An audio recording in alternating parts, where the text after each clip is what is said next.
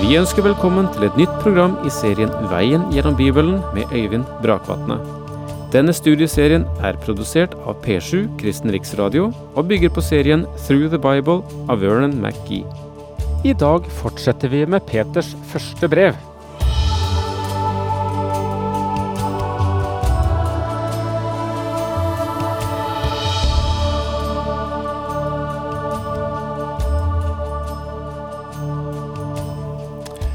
Ingen skal eh, beskylde Peter for å søke etter popularitet når han skriver sitt første brev. Da ville han skrevet det på en helt annen måte. Da ville det være andre ting som sto fremst. Og når han nå tar frem eh, problematikken omkring lidelse, og løfter den opp som en av de store verdier i tilværelsen, som en av de meningsfulle forhold som livet vårt eh, har del i, så er det en helt annerledes tenkning enn vi er vant til i vårt velferdssamfunn. Og når Peter, for eksempel, som vi leste det før vi avsluttet sist, skriver Gled dere jo mer dere får del i Kristi lidelser, så dere også kan juble av glede når Han åpenbarer seg i sin herlighet, så er det mm, et vers som eh, fares fort over, eh, vanligvis. Men du kan ikke lese Første Peters brev uten å legge merke til hvor stor glede Peter selv har erfart gjennom lidelse. Først og fremst ved at han har fått sett inn i Kristi lidelse og hva den har betydd, og ved at han selv har fått erfare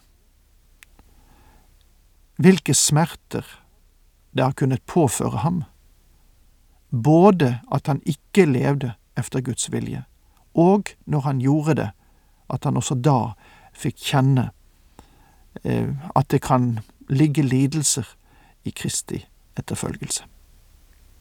Og likevel, dette er noe av den store mening. Vi hører mye om hvordan alt tilsynelatende skal være enkelt, frydefullt og elskelig, også i det kristne ekteskapet og det kristne hjem og i den kristne vandring. Min venn, jeg er ikke enig i alt det. Sorg og smerte og lidelse vil også nå det kristne hjemmet. Dessverre er det mange mennesker som er kommet i krise, og er i krise, fordi man skal dekke over at det er i det kristne hjemmet skal finnes noe som kan kalles for spenninger eller lidelse, sorg og smerte. Erkjenn, sier Peter, at slik er også forholdet. Se ikke på dette som noe merkverdig. Og jeg vet hva det har betydd for å dra sammen min kone og meg, og vite at også lidelsen var en del av vårt liv. Når vi får se lidelse lagt bak oss, opplever vi at det, kanskje mer enn mangt annet, var hellige øyeblikk, hellige perioder i vår tilværelse, i vår kamp for å bevare det beste og foredle det som allerede fantes. Nå fortsetter vi i Første Peters brev, og det er kapittel fire vi er i, og vi går inn i vers 14. Salige er dere, når dere blir spottet for Kristi navns skyld, for Guds ånd, herlighetens ånd, hviler over dere. Dette er et forunderlig språk enten det nå er på gresk eller på norsk. Salige er dere når dere blir spottet for Kristi navns skyld, sier Peter. For Guds ånd, herlighetens ånd, hviler over dere. Og igjen ser vi dette spesielle hos Peter, at lidelsen fungerer nesten som et tegn på at du er Guds barn. Et bevis på at du er Guds barn, er at du kan holde ut i motgangene. Guds barn har sjelden en sølvskje i munnen, det vil si at livet er medvind. Det ser ikke ut til at det er slik Gud handler med sine barn. For Guds ånd, herlighetens ånd, hviler over dere. Du kan herliggjøre Gud hva som enn kommer. Du vet at Han vil lose deg gjennom på en eller annen måte. La det bare ikke skje at noen av dere må lide straff for mord, tyveri eller annen ugjerning, eller fordi han har gjort en urett mot andre. Legg merke til at Peter setter mord ved siden av urett mot andre. Han graderer dem ikke. Paulus gjorde det samme. Faktisk, hvis du ser nøye etter, så er Paulus og Peter og Jakob enige med hverandre i alt. De forkynner det samme evangelium som skaper det samme rakryggede kristenliv. Peter sier at vi ikke bør lide på grunn av synd. Gud prøver deg aldri gjennom synd, min venn. Han prøver deg aldri med det onde, som Jakob redegjør for i sitt brev. Peter sier, la det bare ikke skje at noen av dere må lide straff for mord. Men lider han fordi han er en kristen, skal han ikke skamme seg, men prise Gud for dette navn. Mitt hjerte ømmer for kristne som er i fengsel i dag, fordi de virkelig lider for rettferdighetens sak. Men hvis noen som er troende lider på grunn av sin synd bak fengselsmurer, da kan man ikke herliggjøre Gud gjennom det i fengselet. Men man kan bøye seg for Gud på nytt, fornye sitt vitnesbyrd og bli til ære for ham gjennom det. For nå er tiden kommet da dommen skal begynne, og den skal begynne med Guds eget folk. Men kommer dommen over oss først? Hvordan går det da til slutt med dem som er ulydige mot Guds evangelium? For nå er tiden kommet da dommen skal begynne, og den skal begynne med Guds eget folk. De troende skal stilles for Kristi domstol. Paulus skrev, for vi skal alle fram for Kristi domstol for at hver og en skal få igjen for det han har gjort i sitt liv i legeme, enten godt eller ondt, som det står i 2. Korintiabrev kapittel 5 vers 10. Legg merke til at Paulus skriver vi. Han taler om kristne. For at hver og en skal få igjen for det han har gjort i sitt liv i legeme.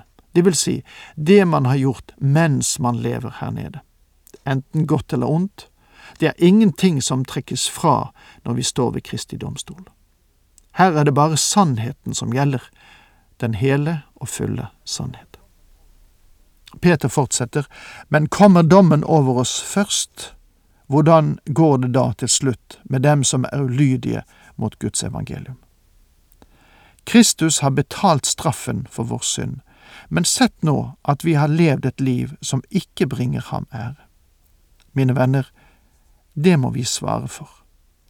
Og om Gud kommer til å dømme sine egne, hva da med den tapte verden som verken vil høre eller lyde Guds evangelium? Og er det vanskelig for den rettferdige å bli frelst, hva skal det da bli av den ugudelige og synderen? Med andre ord er det slik at vi troende bare så vidt klarte det. Den rettferdige blir bare frelst ved Kristi død og troen på Kristus. Det er den eneste måten vi noensinne ble og blir frelst på. Og det var så vidt at det gikk, mine venner. Når jeg ser tilbake over mitt liv, hvordan jeg startet på en feil vei, med feil fot, så er det bare et rent og skjært mirakel at Gud frelste meg og det er noe jeg ikke kan slutte å undre meg over. Det var så vidt. Om det nå er slik at den rettferdige vanskelig blir frelst, om de er som branner revet ut av ilden, hvor skal det da bli av den ugudelige og synderen? Det er Peter som spør. Min venn, om du ikke er en kristen, Og om det nå er slik at Øyvind Brakvatne så vidt ble berget, og det bare skjedde ved å stole på Kristus, hvordan venter du at du skal berge deg igjennom? Det er bare ett håp, det er bare én vei til frelse. Den Herre Jesus sa, Jeg er veien. Derfor skal de som lider når det er Guds vilje, overgi sin sjel til den trofaste skaper og gjøre det gode. De som virkelig har lidd, vet hva det vil si å overgi seg selv til Gud.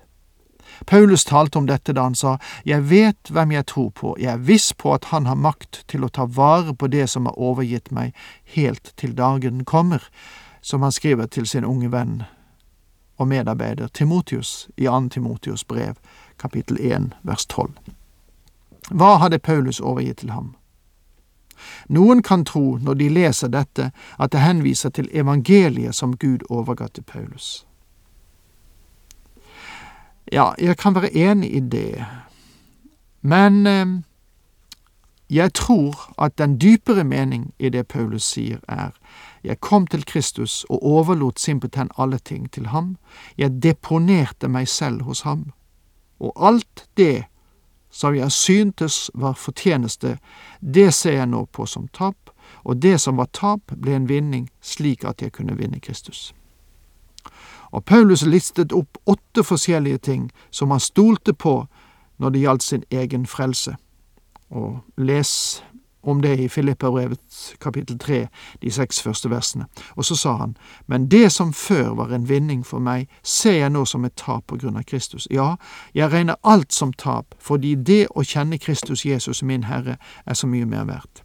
For Hans skyld har jeg tapt alt, og jeg ser det som et skrap for at jeg kan vinne Kristus. Faktisk, sier han, jeg skyllet alt det vekk. Jeg stolte ikke lenger på det, jeg stolte bare på Kristus. Peter sier, la dem som lider, overgi sin sjel til den trofaste skaper, det vil si til ham som er mektig til å ta vare på dem. Stoler du virkelig på ham? Du har kanskje en bankboks der du tar vare på spesielle og særlige verdier. Når du går og legger deg på kvelden, så bekymrer du deg ikke om det. Det ligger trygt. Min venn, jeg la meg til å sove i går kveld, og jeg bekymret meg ikke om Øyvind Brakvatns sjel. Vet du hvorfor?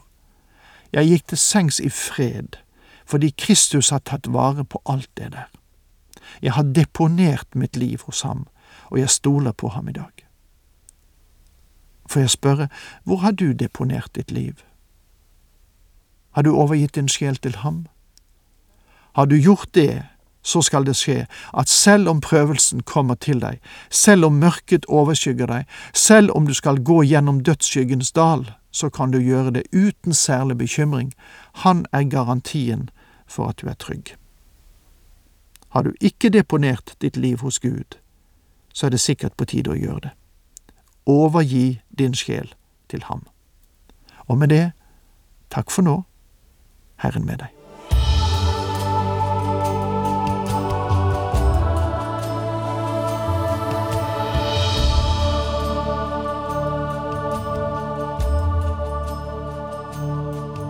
Du hørte Øyvind Brakvatne i studieserien Veien gjennom Bibelen. Serien bygger på et manus av Vern McGee. Har du spørsmål eller kommentarer til programmet, kan du sende en e-post til vgb krøllalfa p7.no. Takk for i dag, og på gjenhør.